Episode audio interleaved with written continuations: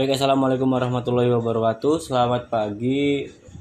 Perkenalkan nama saya Gaza Ananda Deva Yudhistira. Saya dari kelas Logistik Perdagangan Internasional semester 1 kelas pagi. Dan di sini saya akan mengulaskan mengenai demi sebuah konten dengan tema peristiwa seseorang yang sedang bersukaria di daerah Gunung Semeru pada saat sedang erupsi.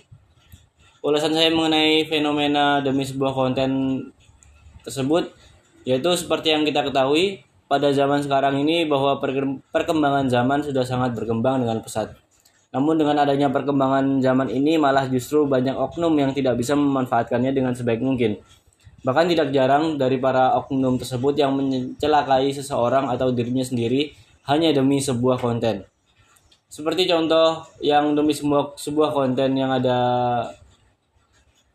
tersebut mengenai seseorang yang memanfaatkan waktu untuk bersukaria menggunakan spot atau objek hasil dari erupsi Gunung Semeru yang baru saja terjadi.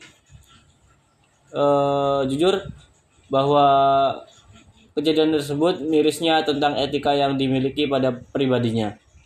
Dan juga justru dengan terjadinya erupsi Gunung Semeru itu sudah menjadi kewajiban kita untuk melestarikan kembali atau memulihkan kembali semua yang telah hancur yang telah diakibatkan oleh erupsi gunung tersebut.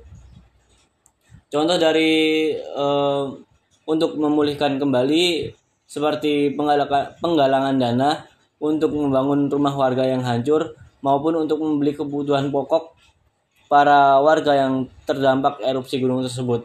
Bahwa kita ketahui Eh, barang-barang dan serta rumah-rumah yang telah hancur pada kejadian tersebut juga pasti dialami oleh warga-warga tersebut, warga-warga setempat.